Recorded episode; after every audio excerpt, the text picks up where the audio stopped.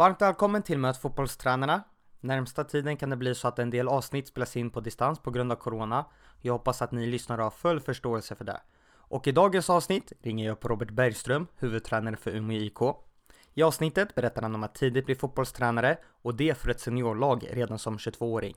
Valet att satsa på fotboll i hockeystadion Örnsköldsvik. Om resan till där han är idag i Umeå IK. Hur tankarna gick när han skrev på och det endast fanns två spelare under kontrakt. Hur han har försökt bygga laget från grunden. Framgångsfaktorer till avancemanget i damallsvenskan. Förväntningarna man kan ha på Umeå som nykomlingar.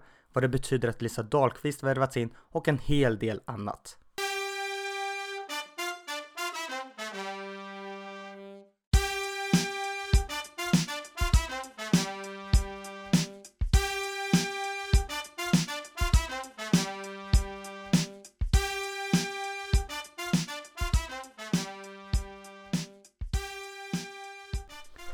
Ålder? 37 år. Familj? Gift med Anna och två pojkar, Alexander och Melvin. Bor? Bor i Domsjö i eh, Övik. Bästa spelaren du har tränat? Eh, ja, jag skulle nog säga två namn där. Fredrik Wennebro och Fanny Hjelm. Favoritlag? Liverpool sen eh, 93 då Robert Fowler slog igenom. Jag har haft få ljusglimtar genom åren men eh, nu ser det bättre ut än någonsin. Hur känns det som Liverpool-supporter nu när det ser ut som att ligan kanske ställs in? Ja, men det är inte typiskt. Eh, det var väl liksom 30 år sedan vi vann ligan och så gör vi en sån här säsong och så kommer corona in i bilden. Vi får se vad de tar för beslut. Jag hoppas att de eh, spelar färdigt säsongen eh, någon gång. Förebild? Eh, ja, men min, min fru Anna är ju bra. Hon, hon har ett jäkla driv i sin civila karriär och omtänksam och jag tror att vi är ett bra stöd och bollplank till varandra också har varit genom åren. Så hon, är, hon är bra på att stötta mig då det behövs och, och liksom ta ner mig på jorden när, när jag seglar iväg. Sen om man tittar inom fotbollen så eh, finns det många givetvis som inspirerar men eh, en av dem är väl min eh, tränarkollega i UIK, Toba Nordström. Naturgräs eller konstgräs? Eh, ja, i och med att jag är verksam i Norrland så får jag säga konstgräs. Kostym eller träningsoverall på match? Träningsoverall. Vad gör du på matchdag? Eh, men först pratar jag lite grann med, med laget för ett par tillfällen. Kanske är så att jag förstärker något individuellt med någon eller med någon lagdel. Annars så håller jag mig undan och går igenom fasta för mig själv och tittar lite grann på taktiska förändringar som jag kanske behöver göra eller byta som kan bli aktuella beroende på då, vart matchen tar vägen. Eh, sen efter match är jag nog inte så mycket att ha. Då är jag rätt dränerad på, på energi. Favoritsyssla utanför fotboll? Eh, men det är ju fotboll och familj som är liksom de två pelarna i mitt liv. Sen eh, utöver det så tycker jag det är roligt att laga mat, eh, titta gärna på film och dokumentärer och ha ett stort musikintresse också.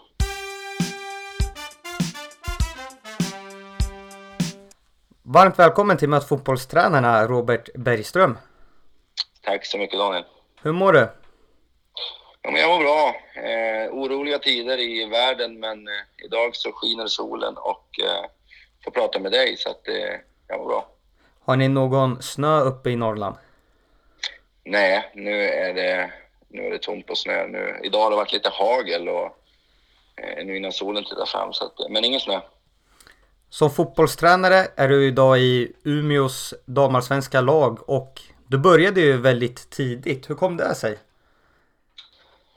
Eh, ja, men jag har väl alltid haft ett stort liksom, fotbollsintresse och liksom att få, få mig att leda och bestämma också och tycka till. Eh, det har väl alltid varit naturligt också för mig att, att göra det. Och, eh, jag minns för några år sedan så städade mina föräldrar ur gamla, gamla dokument och böcker och så vidare. Då hittade de flera skrivblock där med gamla laguppställningar och tabeller och så vidare från de var väldigt liten. Då. Så det har alltid varit intressant för mig och sen var jag tidigt i ledare i fotbollsskolor och distriktsläger och sådana såna saker medan jag spelade.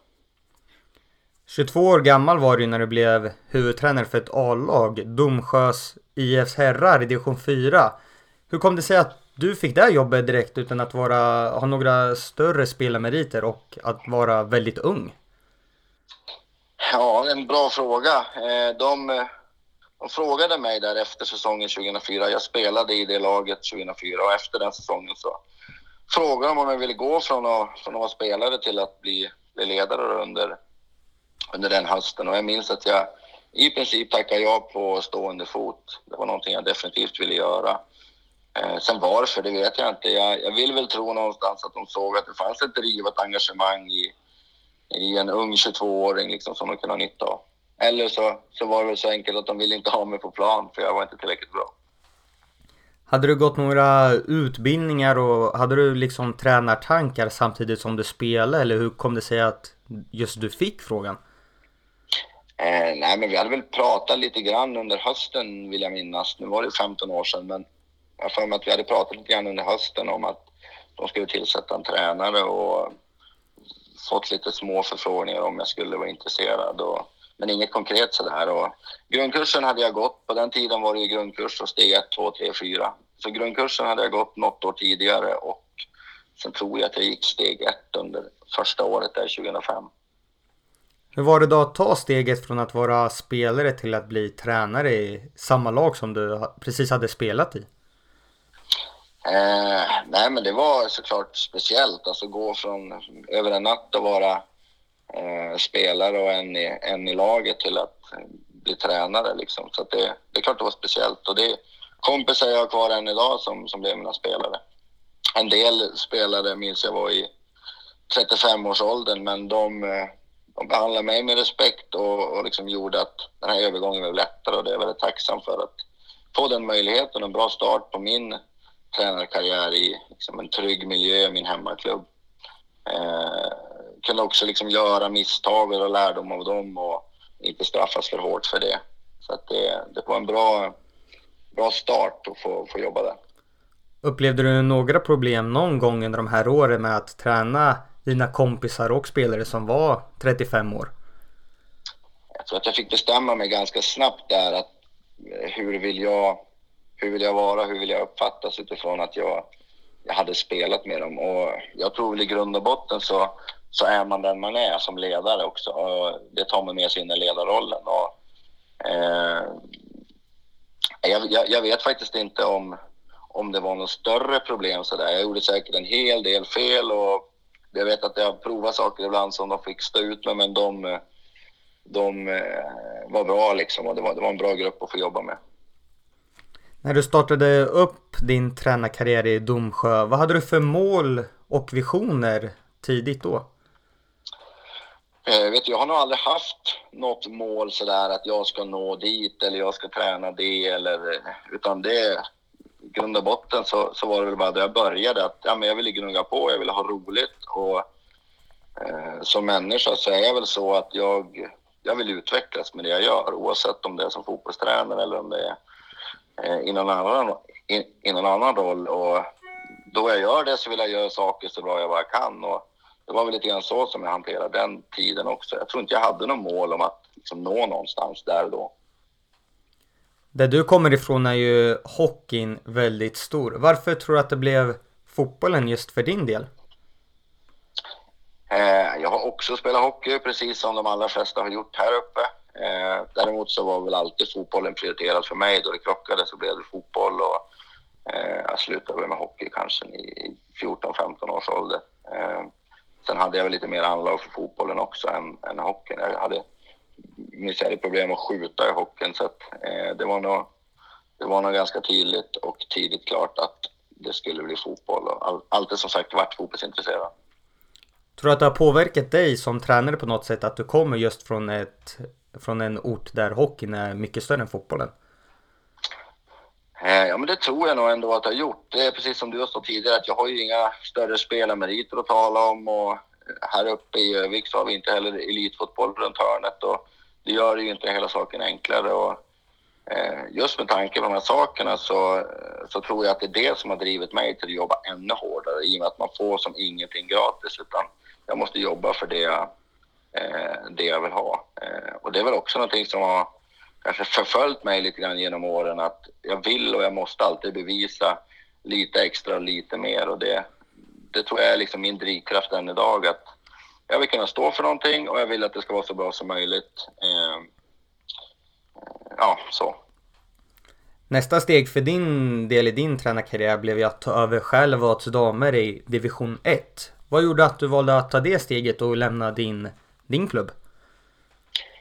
Eh, det blev väl ganska naturligt. Efter fyra år i, i min hemmaklubb och Domsjö så, så var väl jag sugen på en, en ny utmaning och få prova på en högre nivå helt enkelt med spelare som jag inte kände på det sättet. Och Skällevad som klubb hade spelat i damallsvenskan några år tidigare. Eh, spelade nu division 1 och det var liksom en bra organisation.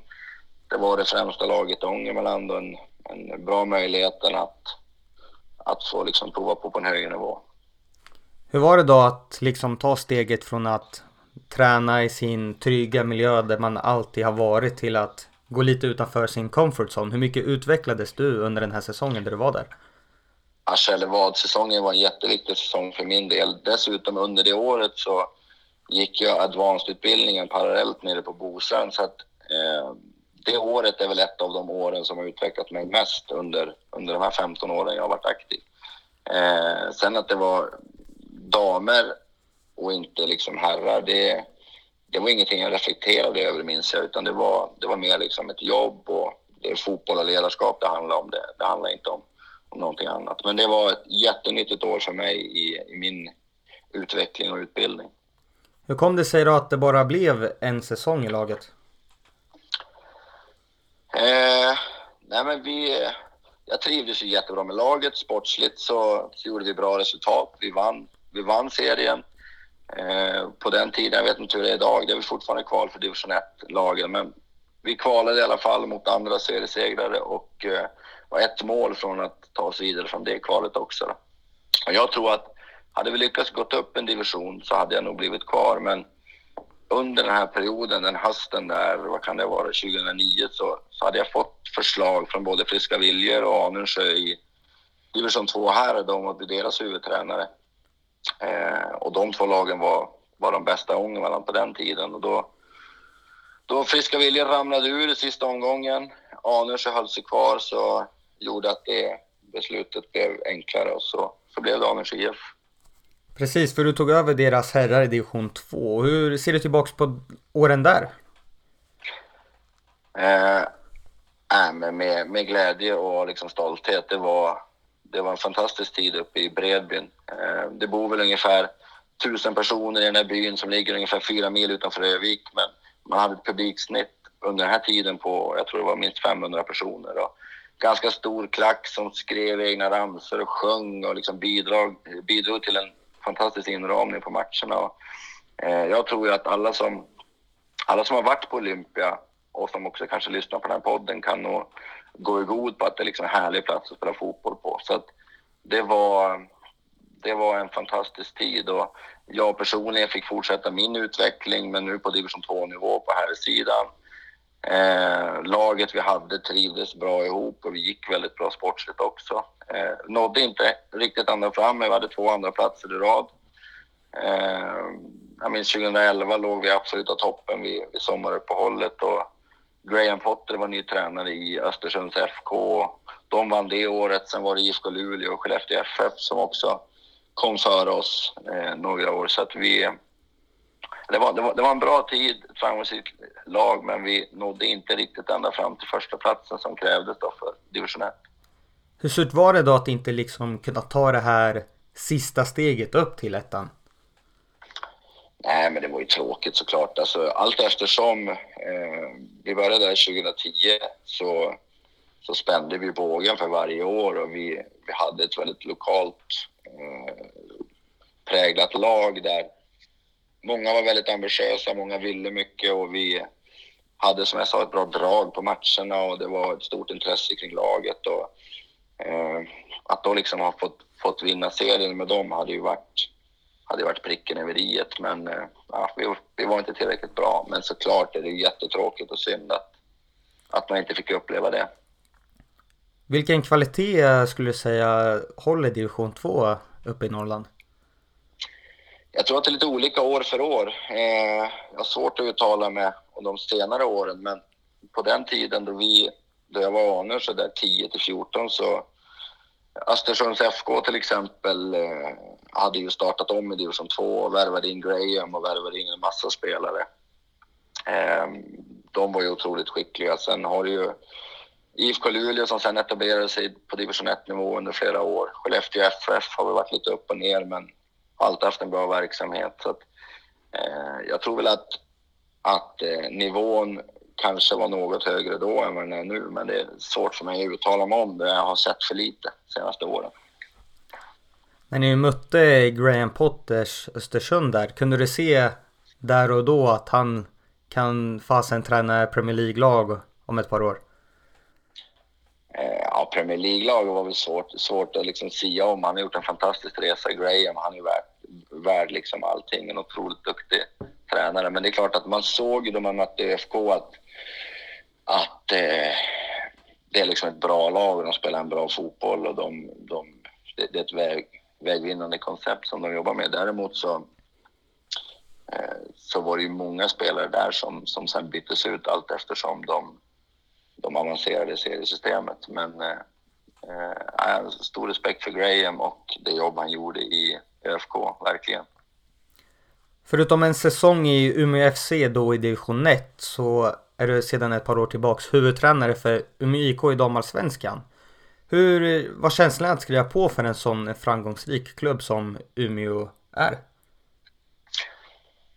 Eh, nej men det var hedrande att de, att de ville ha mig och trodde på mig och precis som du säger så är det ju ett, ett arv att förvalta någonstans. Eh, de framgångarna som UEK har haft, eller hade under tidigt 2000-tal med sju SM-guld och två Champions League-titlar och de världsspelarna som har varit i klubben så, så finns det ju ett, ett arv att förvalta. Eh, så är det. När du skrev på kontraktet i december så fanns det bara två juniorer i truppen som var kontrakterade och det fanns inga i ledarstaben. Hur gick dina tankar då? Ja, det, det kan man ju undra. Eh, men alltså, i grund och botten så handlar det om att för mig då att ja, men hur kan vi skapa förutsättningar och kunna utvecklas? Eh, och hur kan vi även skapa ett bra team liksom, runt laget? Så att innan jag tog några beslut så försäkrade jag mig om vissa saker, bland annat då att att eh, Toba Nordström som jag jobbade med även i Umeå FC följde med och eh,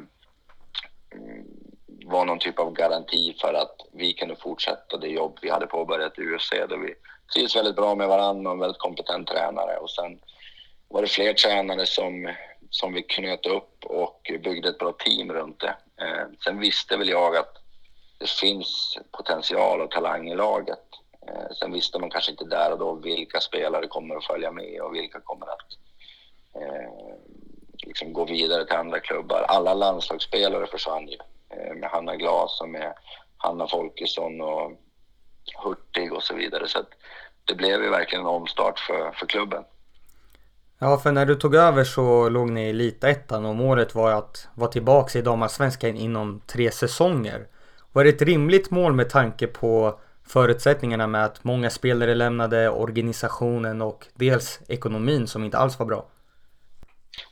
Eh, nej, men jag tror att det var klokt av klubben att inte köra med slogan att nu ska vi tillbaka utan att nu får det ta den tid det tar. Det vi ska göra ska vara liksom hållbart och långsiktigt och genuint och inte eh, stressa tillbaka. Och precis som du säger så, så var ekonomin eh, tuff och eh, utifrån då alla spelartapp och skapa ett nytt lag så, så satt man en eh, målsättning att om tre år så, så, så, ska man liksom vara förberedd och redo. Sen är det jättesvårt för mig att svara på är det rimligt eller inte men eh, som tränare så var det ju en viss trygghet för mig att få den här möjligheten att arbeta långsiktigt även om jag inte liksom är naiv nog att tro att jag inte behöver vinna fotbollsmatcher för det måste man framförallt på elitnivå. Precis just där du beskriver balansen där mellan att ändå tänka tre år framåt och vinna matchen på lördag. Hur svår är den balansen däremellan? Jättesvår. Eh, den är svår för mig och den är svår för spelarna utifrån att eh, alla, alla på den här nivån är så pass tävlingsinriktade att vi vill vinna matchen. Men eh, jag tror ändå att eh, den långsiktigheten som fanns i klubben gjorde att vi kunde kanske implementera ett lite annat sätt att spela på som, som kräver tid och som kräver utveckling. Och det var många diskussioner vi hade med, med spelarna under både 17 och 18 där där jag liksom förklarade vikten av att gör vi det här över tid, gör vi det lite bättre, eh, så kommer vi att kanske kunna skörda framöver. Eh, vi kanske kan göra på ett annat sätt kortsiktigt för att ta några fler poäng, men eh, sluta på en fjärde plats eller en sjunde plats är i slutändan eh, inte lika viktigt så att säga. Hur såg så ditt... Att, eh, men det är en svår, svår balansgång. Hur såg ditt arbete ut då med att försöka bygga Umeå från grunden? Eh, nej men vi eh, sa väl så här att vi eh, eh, vi försökte först och främst titta på vad har vi för eh, eh, vad har vi för spelare? Eh, vad har de för egenskaper och hur vill jag som tränare att det ska se ut? Så att de två sakerna möts och synkar. Eh, men utifrån då att det var, det var ett jobb över längre sikt så kände vi att vi kan redan börja göra liksom de stora penseldragen där i januari 17 och så kan vi jobba med att förfina det över, över tid. Och det vi gjorde där i januari 17, det, det liksom syns än idag i, i det sätt vi vill spela, även om vi har ändrat och skruvat på massa saker. Även sett till träningsmetodiken har jag läst att ni har försökt jobba likadant under dina tre år. Hur ser det upplägget ut? Eh, ja, det är ingen, det är ingen liksom hemlighet eller raketforskning. Det är säkert många tränare som jobbar på samma sätt. Men jag tror ju på att en stor igenkänningsfaktor i hur vi tränar eh, skapar liksom en bättre tydlighet och en bättre eh, kontakter mellan varandra i, i eh, match också. Då. Vi, vi bygger träningarna på spelövningar, jättemycket beslutsfattande i, i våra träningar. Vi ser alltid till att vi täcker alla sex skeden under veckan och vi ser alltid till att vi har ett litet mellanstort och ett stort spel. Eh, sen är det ju så att ju närmare helgen vi kommer, ju större fokus på matchen som väntar. Eh, tidigt i, under de här tre åren så la vi väldigt stort fokus på speluppbyggnad till exempel. Då var det ett prioriterat skede utifrån att eh, jobba med våra positioner i anfallsspel, eh, men även att vi har bra kontakt i laget vid, vid bolltapp och direkt återerövring och eh, vi började i den änden och sen eh, därifrån så fick de andra skedena mer och mer eh, plats. Då. Sen har vi under de här åren, vi har förfinat, vi har kastat bort, vi har lagt till saker och ändrat och vi lär fortsätta med det också. De har liksom aldrig blivit klara i det här och det är väl det som också är tjusningen. Som du beskrev förut när Umeå åkte ur så tappade man många landslagsspelare. Hur var det att värva ihop en ny trupp och hur såg den truppen ut under dina år i Elitettan? Eh, 2017 så, så var det framförallt yngre spelare från vårt F19-lag. Det var spelare som fanns i A-lagstruppen men som hade spelat lite eller ingenting men som fortfarande hade eh, ja, en stor utvecklingspotential och som var, som var ganska unga och som fick möjlighet att ta större plats nästa år i Elitettan. Eh, så att det var inte så mycket värvningar utifrån på det sättet utan det var mer att de lokala spelarna som vi hade. Emma Kullberg till exempel värvade vi från division 1 in i laget 2017 och nu är hon i, i landslaget och det är jätteroligt att se att man kan ta olika vägar. Vad tycker du är viktigt när man jobbar med unga spelare? Jag tror att det är viktigt att låta dem spela spelet och inte övercoacha dem. Ehm, jag tror också det är viktigt att man inte behandlar dem. Vi har till exempel två ungdomslandslagsspelare, Monica Josseba och Lisa Björk som är uppe och kör med oss i A-laget. Eh, men det är viktigt också att, att förstå att de måste fortfarande lära sig vissa moment, både taktiskt men också tekniskt. Och det är lätt att glömma det då man är på A-lagsnivå, fokus är att vinna matchen på lördag. Eh, så att, eh, jag tror framför allt att, att ha en förståelse för att unga spelare är just unga spelare och behöver få liksom sina verktyg också, även fast man är uppe tidigt i A-laget. Eh, vi jobbar också en del med att de, de eh, varvar träning med F19 också för att, för att täcka de eh, områdena så att säga. Under förra året när ni tog steget upp så förlorade ni endast fyra matcher av 26 i Elitettan. Vilka faktorer tror du gjorde att ni tog steget upp? Eh, men skillnaden 17 och 18 till fjolåret då vi, då vi var väldigt framgångsrika, det var ju att, att vi lärde oss snabbt att vinna matcher och vi kunde vinna matcher på flera olika sätt. Eh, det kunde vara genom ja, med våra fotbollsskills, så att vi helt enkelt var bättre än motståndet. Det kunde också vara då vi spelade knackigt och hade problem i till exempel speluppbyggnad eller i andra skeden, men då var det någonting annat, till exempel ett bra duellspel och att vi, vi jobbar jävligt hårt. Eh, vi kunde vända matcher Eh, i slutminuterna i slutet. Vi kunde vinna matcher på att vi var starkare på fasta situationer. Så det var flera olika saker som gjorde att vi, vi liksom lärde oss att vinna matcher. Och tittar man på de här 26 matcherna så släppte vi in 17 mål totalt och där är väl egentligen den största förklaringen att vi hade ett tryggt grundspel, vi hade jobbat med det över ganska lång tid eh, och ett väldigt, väldigt bra försvarsspel där, som, som gav oss framgången.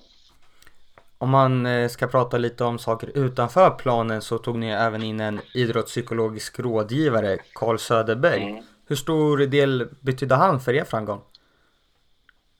Eh, nej, han betydde en hel del. Eh, det är viktigt att alla, alla som var med i laget i fjol 2019, både spelare och ledare, bidrog ju såklart till framgångarna. Och, eh, Karls roll var, var absolut viktig. Jag kände väl där under 2018 att eh, jag skulle gärna vilja komplettera ledarstaben och hitta någon typ av fotbollspsykologisk rådgivare som tjejerna men också ledarna kunde vända sig till och som fanns med naturligt i verksamheten varje vecka och inte någon som gör eh, våra stödinsatser utan någon som finns med oss i, i ledarstaben och finns med oss på träning och så vidare. Och Karl passade jättebra in i den profilen och han har också en bakgrund som både fotbollsspelare och eh, har varit tränare också så att han, han känner även till liksom, fotbollsbiten och kunnig där. Så att han var, är ska jag säga, han är fortfarande kvar. Han är, han är väldigt uppskattad och en bra resurs för oss. Som nykomlingar i damallsvenskan inför den här säsongen, vilka förväntningar kan man ha på Umeå?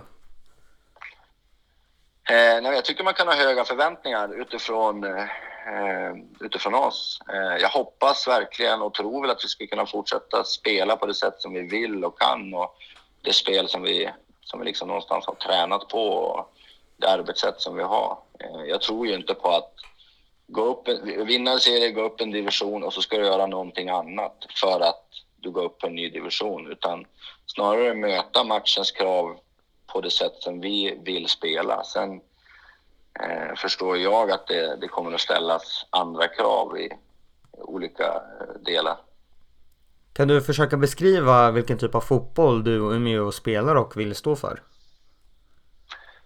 Oj, det är en jättestor fråga. Men eh, kortfattat, om man tittar på, på hur vi ser ut som lag och vad jag tror att de som går och tittar på UK upplever, det man ser, det är ju att eh, vi har en väldigt trygg speluppbyggnad där vi är väldigt flexibla i eh, våra utgångspositioner.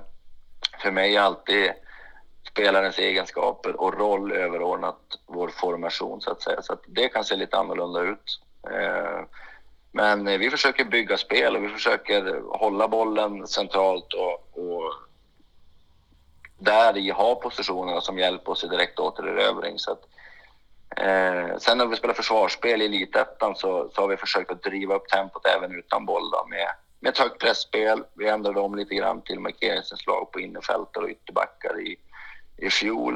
Eh, sen får vi se i år hur, hur det kommer att falla ut och vilka justeringar man måste göra i damallsvenskan. Vad betyder att en så rutinerad spelare som Lisa Dahlqvist har återvänt och är ett nyförvärv inför den här säsongen rent spelmässigt? Eh, Dala betyder jättemycket, både spelmässigt, nu är hon tillbaka i full träning och eh, är jättesugen att liksom spela matcher. Hon har inte spelat sedan i höstas. Eh, så hon betyder jättemycket på fotbollsplan och hon betyder väldigt mycket på sidan av också då hon är en bra ledare, en bra förebild för våra spelare. Eh, väldigt uppskattad att ha i laget. Så jag, är glad att hon är med oss för att jag tror att vi, vi kommer behöva den, den erfarenheten och hennes kunnande. Vad har ni för målsättning med säsongen? Eh, vi var ju på väg att komma in i liksom, de diskussionerna där i mars då, då corona ställde till det. Så att, eh, vi har väl inte sagt, eh, sagt någon definitiv målsättning, men det är klart att topp 10 vill vi bli, för det innebär ett nytt allsvenskt kontrakt.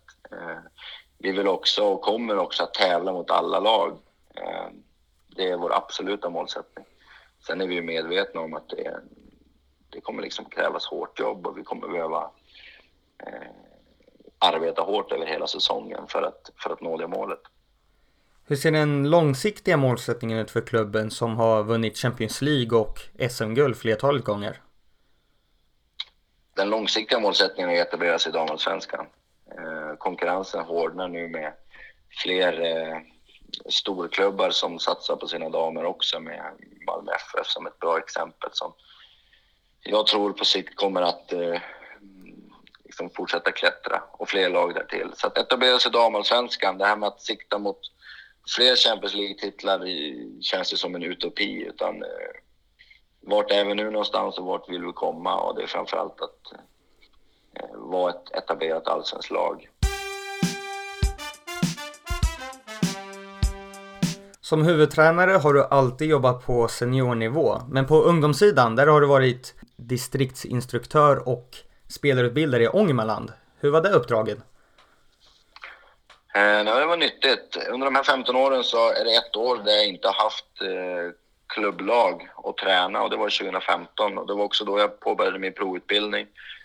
Eh, och för mig var det ett jättebra komplement att hålla i tränarutbildningar, eh, jobba lite närmare distriktet och utifrån min anställning på NIU så, så passade det också bra att få jobba mot ungdomssidan. Hur ser ungdomsfotbollen ut i Ångermanland? Eh, nej men så här är det, det finns ju talanger överallt i hela Sverige och Ångermanland är inget undantag. Och nu på senare år har man haft fina framgångar också i distrikts-SM eh, på både pojk och flicksidan. Man har spelat final och semifinaler och det som jag ser som problem egentligen, eh, eller avsaknaden av elitfotboll i distriktet, eh, är väl det som är lite besvärligt utifrån att det finns kanske ingen tydlig trappa i distriktet i vart man kan ta nästa kliv. Eh, nu blir det ganska många unga spelare som tidigt kommer upp i division 2, eh, vilket kan vara väldigt positivt men kan också vara negativt utifrån att man, man tappar saker. Gör man någonting för att försöka växa och bli ännu större? Ja, men det är, det är många som jobbar hårt för det. Sen eh, har vi ju Modo Hockey som är både etta och tvåa i stan innan, innan fotbollen är liksom med och tävlar. Men man gör ett jättebra jobb i framförallt Friska Vilje på pojksidan där man samlar alla de spelare som har kommit längst i sin utveckling där i 15-16 års ålder. Eh, men jag tror ju att det måste tränas mer och det måste vara fler utbildade tränare i ännu yngre åldrar. Eh, så att man kan skapa en träningskultur på det sättet, liknande som hockeyn eh, jobbar här i Övik. Och hoppas väl att vi inom en snar framtid har ett damlag i Elitettan och ett herrlag i division 1 åtminstone. Det, det vore bra för den här storleken på stan. Vilken tränare skulle du vilja lyssna på i podden? Du har haft så många bra redan. Eh, Tobba Nordström, min tränarkollega, alltid intressant att lyssna på. Eh, sen sitter jag vägg i vägg med Brian Clarout i Umeå FC, en spännande tränare som säkert har en hel del bra att, att säga. Det är, väl, det är väl de två. Får jag tacka för att du ville ta dig tid och lycka till när säsongen drar igång. Ja, men tack själv Daniel, bra jobb med podden. Det är intressant att lyssna varje vecka. Stort tack! Tack så. Hej hej.